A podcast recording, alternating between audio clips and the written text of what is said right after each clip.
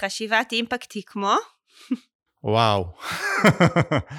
אז מאוד מאוד uh, חשבתי על זה לא מעט, על לאן לקחת את חשיבת אימפקט היא כמו, ובסוף uh, אני חושב שמה שהתחברתי אליו קצת זה מין uh, פאזל שיש בו הרבה חלקים, חלקם גדולים יותר, חלקם קטנים יותר, וחלק מהחלקים יש לנו וחלק מהחלקים אין לנו, ויש לנו כיוון כללי של מה צריך להיות בסוף.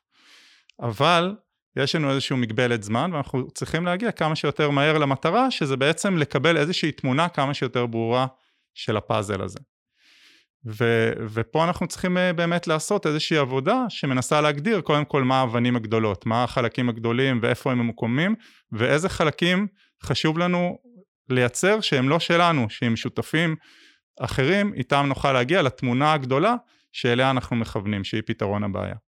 וואו, טוב, אנחנו עוד uh, נחזור okay. אוקיי. לדימוי הזה, ו- אבל זה גם פאזל, גם אבנים גדולות, אבנים קטנות, גם חלק זה חלקים שלנו וחלק לא, ומגבלת הזמן, והיו פה מלא זה, נכון. אז אנחנו נחפור בזה איתך עוד רגע, אחרי שניתן לפתיח להיכנס, ו- ונכיר אותך גם קצת, אז uh, פתיח.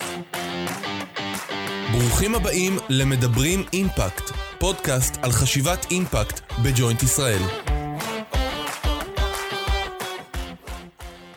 היי, אני לילך כהן דונצ'יק, אני מנהלת למידה וקהילות בדיגיטל בג'וינט אשלים. אה, אנחנו מדברים הרבה בג'וינט על מה זה חשיבת אימפקט ועל חשיבת אימפקט, ואנחנו בפודקאסט הזה אה, רוצים לברר מכיוונים שונים ומאגפים שונים מה זה חשיבת אימפקט. אז היום אנחנו הולכים לעשות את זה עם רותם פיליפס, מנהל תוכניות בישראל מעבר למגבלות. אהלן רותם. אהלן. מה נשמע ואיזה כיף שהגעת אלינו. כיף לי להיות איתכם פה, וכן, ואני סקרן מהתוצאה. היום גם הגענו ביום הסגר לקמפוס, אנחנו ככה מפרק לפרק בודקים את, אה, את ההגעה לכל מיני מקומות בתקופת הסגר, אז uh, היום אנחנו פה בקמפוס. Uh, אני אשמח לשמוע עליך קצת, uh, ושתספר שתספר לנו גם מאיפה אתה מגיע וכמה זמן. אוקיי, אז קודם כל רותם פיליפס, כמו שאמרת, ואני אבא לשלוש בנות חמודות מכיתה ג' ומטה ונשוי לחני. אה, ואני עובד אה, בתחום החברתי כבר הרבה מאוד שנים, אה, עורך דין בהשכלה שלי, ובחמש שנים האחרונות אני בג'וינט בישראל מעבר למגבלות, לפני זה הייתי בתוכנית דגל של תבת כמה שנים, סטרייב, ובאמת בשנים האחרונות אני מנהל תוכניות שהיה לי הזכות להיות חלק משמעותי בפיתוח שלהן. ומה שתרצי, איפה שתרצי אני אעמיק, חוץ מזה אולי פרט מאוד חשוב, אני גם אדם אה, שעבר בעצמו uh, מוגבלות משמעותית, נפצעתי פציעה מאוד מאוד קשה לפני קצת יותר מ-20 שנה, אז אני מרגיש גם כנציג המוטבים בתוך, בתוך, בעצם שיש לי איזושהי הזדמנות וזכות היום לפתח תוכניות קצת עבור איפה שאני הייתי לפני 20 שנה ו- ועוד הרבה אנשים שאני פגשתי לאורך הדרך. אז עמדתי להגיד ש, שבנוף הג'וינטי אין המון המון עורכי דין, אז... אה, ורציתי לשאול איך הגעת, אבל אולי זה כבר נותן איזשהו כיוון לאיך איך קרה המעבר הזה? אז באמת, אה, ככה החידק החברתי תמיד היה שם, ובאמת הלכתי ללמוד משפטים במנהל עסקים במרכז הבינתחומי בלי לדעת שאני רוצה להיות עורך דין, אלא כאיזושהי השכלה כללית טובה להמשך.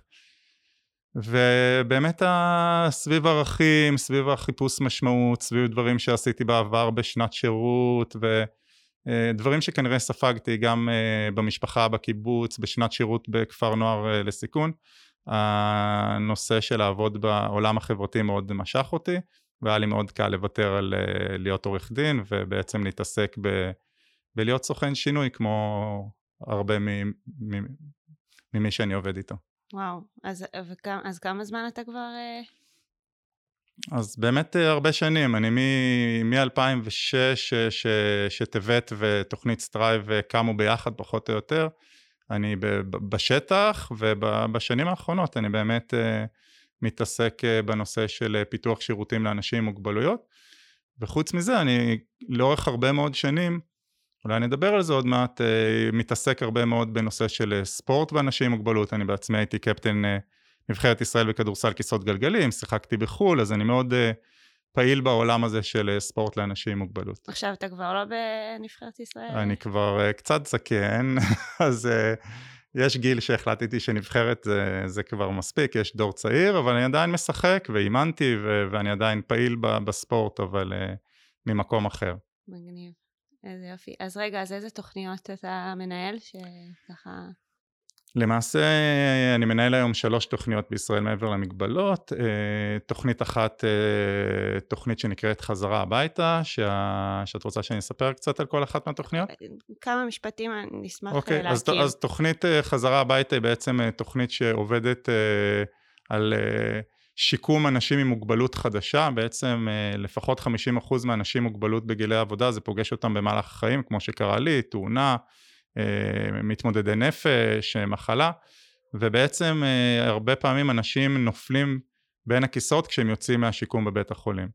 ומה שאנחנו עושים בתוכנית זה באמת מלווים אותם עם קופות החולים במעבר הזה מבית חולים לקהילה, כולל ליווי של אנשים עם מוגבלות שעברו תהליכי שיקום מוצלחים בעצמם, וזה אפרופו אימפקט, אנחנו רואים שהיכולת לתפוס את האנשים בזמן הזה וללוות אותם תקופת זמן לא מאוד ארוכה, יכולה לייצר שינוי מאוד דרמטי על המשך החיים שלהם, אה, כולל על תוצר כלכלי למשק וכולי, ו- ו- ומעבר לזה זה גם, עוד פעם, אנחנו מדברים אימפקט, בסוף יש ארבע קופות חולים, אז הלכנו לעשות פיילוט עם קופת חולים, ואנחנו רגע לפני מבחן, איזשהו ערוץ של הטמעה, שיאפשר להפיץ את זה בכל המחוזות של כל קופות החולים. בא לי לשאול אותך ממש על, על זה ועל איך אתה מחבר בדיוק את השאלות ועל הדיוקים סביב האימפקט, אבל רק תשלים לנו עוד שתי תוכניות אה, ש... כן. אז תוכנית נוספת ש... שהיא עוד תוכנית אה, שאני מרגיש מאוד קשור אליה רגשית, שהיא baby שלי, דיברתי על הקשר שלי לספורט ומה זה, לא דיברתי על זה המון, אבל מה שספורט עשה לי בשיקום שלי. אז בעצם התוכנית הנוספת זה באמת אה, תוכנית ש, שקצת בגללה אני אפילו נכנסתי לתפקיד הזה, שעם זה באתי לאביטל שניהלה את ישראל מעבר למגבלות, של איך בעצם לייצר הזדמנות לכל אדם עם מוגבלות לעשות ספורט ליד הבית. כמה שהדבר הזה פשוט ולכל אחד מ, מאנשים ללא מוגבלות זה נראה נורא ברור מה הבעיה לעשות ספורט ליד הבית, להמון אנשים עם מוגבלות זה חסם מאוד גדול איך לעשות ספורט והספורט הוא הרבה מאוד מרכיבים שעוזרים להשתלב בחיים, לא רק בפן הבריאותי, גם בפן החברתי, ההשתלבות בקהילה, ובעצם נכנסנו לפיילוט עם משרד הספורט בחמש רשויות מקומיות, שתחת מחלקת הספורט יש רכזת או רכז שמייצרים מקסימום הזדמנויות למקסימום אנשים להשתלב בפעילות גופנית ליד הבית, כולל אה, קבוצות משותפות של אנשים עם וללא מוגבלות. אה, ובאמת אה, מקדמים מאוד את ערוץ הבחירה. אני מבינה כמה הסיפור של הספורט והכדורסל הוא משמעותי. יש לי גם חבר טוב שהוא גם בנבחרת ישראל לכיסאות גלגלים, אז אני ככה... אז אחרי זה נחליף פרטים. לגמרי. והתוכנית השלישית? התוכנית השלישית היא תוכנית שנקראת אבן דרך, שהיא בעצם תוכנית שגם מקדמת עולמות של בריאות במובן הרחב שלה, שזה סדנאות שמעין סדנאות קואוצ'ינג לאורח חיים בריא, שמי שמנחה אותם זה אנשים עם מוגבלות שהם עוד פעם מודל לחיקוי, עם יכולות הנחיה מאוד מאוד טובות, ובסוף הסדנאות האלה של עשרה מפגשים, אנשים עם מוגבלות משנים הרגלי חיים ומקדמים את עצמם למקום יותר יוזם, יותר פרואקטיבי, משנים הרגלי חיים, אה, וזו התוכנית השלישית שהיא גם פה ממש רגע לקראת הטמעה עם אה, משרדי ממשלה. טוב, אז זה ממש uh, מעניין, ותוכניות שתמיד תמיד מרגש לשמוע על התוכניות בג'וינט, אז, אז זה כיף. ואז התחלת קצת להגיד לנו איך אתה רואה את האימפקט בתוכנית הראשונה שהצגת לנו, ואני אשמח קצת לשמוע ממך באמת על זה, על איך אתה, כי דיברת בעצם על השפעה רחבה שהיא לא נוגעת רק בתוכנית. אז תוכל לספר על זה קצת ועל איך אתה רואה את זה? כן, אני אגיד משהו לא צנוע, אבל אני חושב שבאמת בדרך חשיבה שלי, אולי זה כי אני בא מעולם הספורט, אולי לא, אני מאוד מאוד חושב בכל תוכנית שאני חלק ממנה, איך אנחנו מייצרים השפעה כמה שיותר רחבה, ולא מסתכלים רק מה קורה ברמת הפרט, ברמת המשתתף.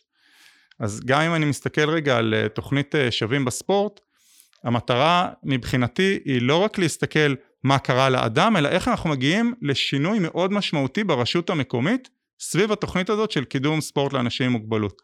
איך אנחנו מגיעים לכמות מאוד מאוד גדולה, לזה שראש העיר או ראש המועצה האזורית מעורב בתוכנית הזאת, איך אנחנו שוברים מחיצות עם אה, אה, קבוצות אה, ספורט כמו הפועל תל אביב בכדורגל, או מכבי נתניה שמשלבות קבוצת אוהדים עם וללא מוגבלות. כלומר, המטרה היא באמת לייצר, שמנו לעצמנו חזון שלכל אדם עם מוגבלות שמגיע, יהיה אפשרויות בחירה ליד הבית. ועם הדבר הזה, זה מחזיק מאוד מאוד חזק של איך מחמש רשויות אנחנו אחרי זה יכולים לעשות את זה ב-20 רשויות ואת הדבר הזה, אני, על זה אני רוצה לבחון את עצמי ואת התוכנית.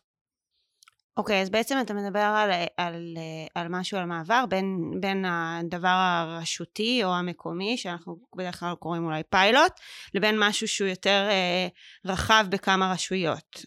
אה, נכון, אני מדבר על זה שבעצם האם אנחנו יכולים לייצר מצב שדרך תוכנית לא מאוד יקרה, בכל אזור, לכל אדם עם מוגבלות יהיה רפרנט שיפתח לו כמה שיותר הזדמנויות נגישות לעשות ספורט עממי או תחרותי, הוא יוכל לבחור את איזה סוג פעילות עם מי לעשות אותה. זה, זה, זה יומרני, אבל, אבל לשם אנחנו מכוונים, שבסוף לכל אדם עם מוגבלות בכל אזור יהיה אפשרויות בחירה ליד הבית. כלומר זה לא איזה סדנה, זה, זה משהו הרבה יותר רחב ולכן ההסתכלות שלי היא גם איך אנחנו מייצרים הרבה רעש, איך אנחנו עושים ועדות היגוי כמו שאמרתי עם ראש עיר או מנכ"ל, אה, עושים כנסים גדולים, כלומר מייצרים באמת אדוות גדולות כדי שהתוכנית הזאת אחרי זה תמשיך ותופץ ותשפיע גם על השדה, זה דבר אחד. חוץ מזה אני חושב שיש פה איזשהו שינוי קונספט, שאנשים עם מוגבלות מפתחים להם משהו לא דרך הרווחה, אלא דרך אגף הספורט, שאחראי עד היום מבחינתי על 85% מהאוכלוסייה ופתאום אני אומר להם לא אתם אחראים על 100% מהאוכלוסייה אבל צריך לעשות את זה בצורה יותר מקצועית ואחרת ופה יש גם איזשהו שינוי של משרד הספורט ורשויות מקומיות איך הם דואגים גם לאנשים עם מוגבלות עם החסמים שיש להם לצאת מהבית ולעשות פעילות גופנית. אז בעצם השינוי שאתה מדבר עליו הוא לא רגע רק באוכלוסייה שלנו המקומית, אלא איזושהי הסתכלות מאוד רחבה על, על, על מה קורה גם לא רק באוכלוסייה ש... של האנשים עם המוגבלויות, אלא איך זה משפיע על אוכלוסיות אחרות, גם דרך האתגר הזה, כאילו דרך האתגר הספציפי הזה. נכון, יש פה גם באמת הקשרים של שינוי עמדות, כי הרבה מהחסמים ל... אה, להשתלבות של אנשים עם מוגבלות בצורה שוויונית, זה באמת אה, חסמים שלנו, של האוכלוסייה מסביב, אם זה ברמת נגישות פיזית, אם זה ברמת עמדות שחוסמות מהשתלבות בתעסוקה ודברים אחרים, והנושא של הספורט הוא באמת פתח לייצר הרבה מאוד שינוי עמדות דרך היכרות עם היכולות, עם האדם עצמו, בצורה שהיא הרבה פחות רשמית ומחייבת. אתה יכול לספר קצת אולי על, על יעדים ש, ש, שמבחינתך, מה אתה רואה כיעדים? כי אמרת בעצם כל מיני uh, דברים בדרך. השאלה uh, אולי uh, מה אתה רואה יותר כיעד ומה כמדד תוצאה. אז באמת לגבי שווים בספורט, אה, יש פה כמה, כמה יעדים. אחד זה באמת אה, כן בכל זאת מה קורה אה, ברמת המשתתף הבודד. עד כמה יש התמדה מהרגע שהוא מצטרף, או אם אין התמדה, אם יש לו אפשרות לחזור ולבחור משהו אחר, אז, ועד כמה הוא מרגיש שהתוכנית תורמת לו, או שההשתתפות תורמת לו, זה דבר אחד. דבר שני זה גם האם זה מקדם אותו, אפרופו אימפקט שאנחנו מדברים מעבר לספורט, בתחומי חיים אחרים, בנושא של ניידות, בנושא של מסוגלות עצמית להשתלב במקומות אחרים, תעסוקה ואחר. והדבר הנוסף שאני מדבר עליו זה באמת אה, לגבי הכמויות, עד כמה אנחנו מצליחים להציב לעצמנו כמות קבוצות שנפתחות ברשות מקומית, כמות משתתפים חדשים שנכנסים אה, בכל אה, שנה שהתוכנית אה, פועלת, והדבר הנוסף זה עד כמה אנחנו באמת נצליח בלשכפל את המודל לעוד רשויות אה, כמודל שהוא באמת אה, אה, מאפשר בעלות לא גבוהה להגיע לכמה שיותר מקומות.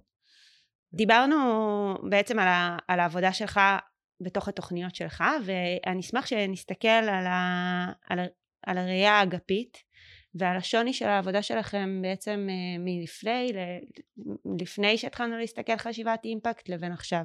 אז, אז אני שמח באמת uh, שאת שואלת אותי, כי, כי אני חושב שפה נעשה שינוי uh, מאוד מאוד משמעותי ביכולת שלנו לרכז מאמצים בנושאים הכי חשובים שימקסמו חיים עצמאיים של אנשים עם מוגבלות, על ידי הגדלת השוויון בהשתתפות שלהם, חברתית וכלכלית. ובעצם סימנו לעצמנו שלושה מעגלים עיקריים שדרכם אנחנו רוצים לקבוע את היעדים והמדדים. אחד זה העניין של החוסן הכלכלי, אנחנו מזהים שיש פערים מאוד מאוד גדולים בין אנשים עם מוגבלות לאנשים ללא מוגבלות אה, בהקשר של אה, הכנסה פנויה, של היכולות הכלכליות אה, להגשים חיים עצמאיים ומלאים. הנושא השני הוא הנושא של שייכות, והנושא השלישי הוא עצמאות ואוטונומיה. שייכות ו... של אנשים עם מוגבלות לאוכלוסייה ולחברה ולקהילה. תחושת שייכות, הנושא של רישות חברתי, הפחתת תחושת בדידות, אנחנו רואים גם פה פערים מאוד מאוד גדולים בין אנשים עם מוגבלויות לאנשים ללא מוגבלות.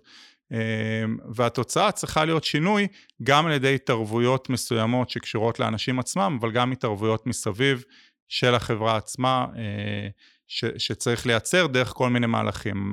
בין המהלכים שאנחנו עכשיו מייצרים, זה מהלך משמעותי של ניידות ותחבורה, מהלך של, אה, של דיור שדיברתי עליו, של מעבר של אנשים עם מוגבלות לדיור עצמאי, שהם בוחרים עם מי לגור, איפה לגור, עם יכולת להגשים את עצמם לחיים, אם ניקח את הדיור למשל. אז ברגע שבן אדם עובר מאיזושהי מסגרת חוץ ביתית כמו הוסטל למגורים עצמאיים שהוא בוחר עם מי לגור ואיפה לגור, אז גם האוטונומיה והעצמאות שלו כנראה מאוד מאוד תשתפר, המיומנויות שלו, היכולת שלו אה, אפילו ברמה הכלכלית אולי למצוא עבודה טובה יותר, כי אם עד היום היה לו איזשהו חסם שקשור גם למציאת עבודה, ברגע שהוא מפתח יכולות עצמאיות יותר, עם יותר תמיכה וליווי מהצד, אז יש סיכוי טוב יותר שגם מבחינה כלכלית הוא ימצא תעסוקה משמעותית אה, עבור עצמו. אז בעצם, אז בעצם זה כל מיני אפיקי פעולה שאתם, אה, ש, שאתם מחברים לתוך הדבר הזה? בתוך כל מהלך יש באמת אה, אפיקי פעולה, אם זה בנושא של פרסונליזציה של שירותים, שעד היום אדם בחר שירות, אבל זה לא באמת התאים בהכרח למה שהוא רוצה. כלומר, יש פה שילוב של בתוך כל מהלך אפיקי פעולה שונים שאנחנו אה, ניכנס אליהם כדי לייצר את השינוי של, של, של השינוי במקום של איפה אנשים עם מוגבלות נמצאים לעומת אנשים ללא מוגבלות בהקשרים גם של החוסן הכלכלי, גם השייכות וגם העצמאות והאוטונומיה. אז אתה יכול לתת, אה, לחבר לנו את זה רגע לדוגמה שלך בהתחלה? כי נתת לנו דימוי בהתחלה של הפאזל והמרכיבים והחלקים וה, שלו, הגדולים, הקטנים, אה, שמגיעים מבחוץ, שמגיעים מבפנים. דיברת על מגבלת זמן, אתה יכול לחבר את זה? כן. אז באמת, אה, אם אני מסתכל למשל על מהלך מאוד גדול של לעזור, לעשות איזשהו תהליך של אלפי אנשים עם מוגבלות שחיים היום או אצל ההורים או בדיור חוץ ביתי או היום בבתי ספר אבל עם סבירות בבית ספר לחינוך מיוחד עם סבירות לא קטנה שהם לא יחיו בחיים עצמאיים אז הדרך לשנות את זה היא באמת לייצר הרבה דברים שתלויים בנו כמו למשל אה, תוכנית מאוד גדולה שפיתחנו תוכנית דגל שנקראת אה, דיור נתמך שעל ידי סט מיומנויות, כלים על ידי ליווי של אה, מתאמי טיפול, עוזרים לאנשים באמת ליישם את ההחלטה הזאת לעבור אה, לחיים עצמאיים, אבל הרבה מהם החסם הוא כלכלי. חסם כלכלי זה לא משהו שהג'וינט יכול להתמודד איתו בלי איזשהו מנגנון חיצוני, שפה צריך שחלק מהפאזל יבוא מבחוץ. כלומר היכולת למצוא איזשהו מנגנון יותר שוויוני שיותר אנשים עם מוגבלות באמת יוכלו לשכור דירה, אה, לקנות דירה, להוון דירה, לקבל זכאות לדיור ציבורי, לממש זכויות בצורה יותר רחבה, חלק מהדברים הג'וינט יכול לקדם וחלק הוא לא יכול לעשות את זה בלי עזרה של אה, מנגנונים כמו הממשלה ועמותות. אז בעצם היעד, יעד האימפקט הוא ביחד בעצם עם, ה, עם הממשלה, עם העמותות וכולי. נכון? נכון. ו- והפעולות הם חלקם שלנו, הם חלקם לא, החלקים של הפאזל הם חלקם אנחנו מביאים וחלק uh, מגיעים מהעמותות ומאחרים. וככה גם אמרת, חלקים גדולים וחלקים קטנים, אז התייחסת לפעולות גדולות ופעולות קטנות, או... לאו דווקא, אם אני אסתכל למשל על החסם הכלכלי בהקשר של uh, לשכור דירה. אז uh, במקרה הזה צריך למצוא מה הדרך הכי יעילה לעשות את זה. כלומר, מה החלק הנכון, אפשר לייצר כל מיני התערבויות, השאלה מה ההתערבות שבמינימום עלות למדינה תייצר מקסימום אה, אפשרויות לאנשים עם מוגבלות לגור באופן עצמאי. ופה צריך להיכנס לאיזושהי אה, בדיקה מה הדרך פעולה הכי נכונה בשביל להתגבר על חסם כלכלי שיכול להיות לאנשים עם מוגבלות לעבור למגורים עצמאיים. אוקיי, okay, וכשאנחנו עושים uh, דרך פעולה, אז הדרך פעולה בעצם כוללת סך, uh, סך uh, uh, תוכניות בתוך זה, ואולי עוד כל מיני דברים וחיבורים, וזה ביחד יוצרים את, יוצר את המהלך. נכון. אוקיי. כן, למשל, נתתי דוגמה בנושא של הדיור, אבל אם אנחנו מסתכלים אה, בנושא של התחבורה, גם פה צריך אה, כל מיני אה, פיתוחים נוספים, גם טכנולוגיים, ייעול של מערך הסעות שאפשר לעשות אותו. אנחנו מדברים עם SFI לעשות איזשהו אג"ח חברתי בנושא הזה. כלומר, יש פה כל מיני ערוצי פעולה שפחות עשינו בעבר, של איזושהי הסתכלות שלמה יותר ומלאה יותר, בשביל לייצר כל מיני מנגנונים שיאפשרו בסוף להגדיל באופן משמעותי את כמות הנסיעות של האדם אה, בתחבורה ציבורית או במערך היסעים לכל מיני דברים שהוא בוחר, בין אם זה תעסוקה, פנאי, בריאות וכיוצא בזה. הבנתי. וואו, טוב, נראה לי ש, אה, שקיבלנו תמונה ממש אה, מעניינת, יש לך עוד ככה משהו להוסיף אה, ש, שלא שאלתי אותך, אה, שאתה חושב שחשוב לנו להבין בתוך זה? אני חושב שנגענו בהרבה, ותודה. בסדר, בהרבה במה שאפשר לגעת בפרקי כן. פודקאסט קצרים שכאלה. אני מזהירה אותך שיש לנו שאלה, אה, יש לנו שאלה אחרונה שהיא שאלה, שאלה קצת אה, גדולה, ואנחנו בכל זאת נשאל אותה, ננסה, ננסה, ואנחנו רוצים, רציתי לשאול אותך מה האימפקט שאתה תרצה להשאיר. אמ, אז אני חושב שחלק מהאימפקט ש... שאני רוצה להשאיר זה, זה באמת המקום שלי גם כאדם עם מוגבלות, שאני חושב שאנחנו כג'וינט צריכים לשאוף. לייצר יותר אפשרויות כאלה שאוכלוסיית המוטבים שלמענה אנחנו מפתחים את השירות תהיה חלק מהעובדים, מהפיתוח של, ה... של התוכניות שלנו, כי אני חושב שזה תורם לא מעט לגיוון וליכולת שלנו להתחבר לצרכים של השטח, ו, ואני חושב למשל בתוכנית ש, של שווים בספורט, שהיא לא הייתה שם אולי אם, אם אני לא הייתי מביא את הניסיון האישי שלי באותו מקום, אז אה, אולי זה. רותם, תודה רבה. תודה רבה אה, גם על השיתוף האישי ועל, ה, ועל הסיפור משמעותי שהבאת לפה, וגם uh, על, ה, על שיתוף הידע במה זה חשיבת אימפקט. אז uh, uh, אני אגיד גם uh, תודה רבה לאורן uh, גילאור על העזרה בפודקאסט הזה, ובכלל בכל התכנים שאנחנו מגישים במסגרת החשיבת אימפקט. תודה לכל מי שהאזין לנו, מקווים שהיה לכם מעניין, ונתראה בפרק הבא. צ'או.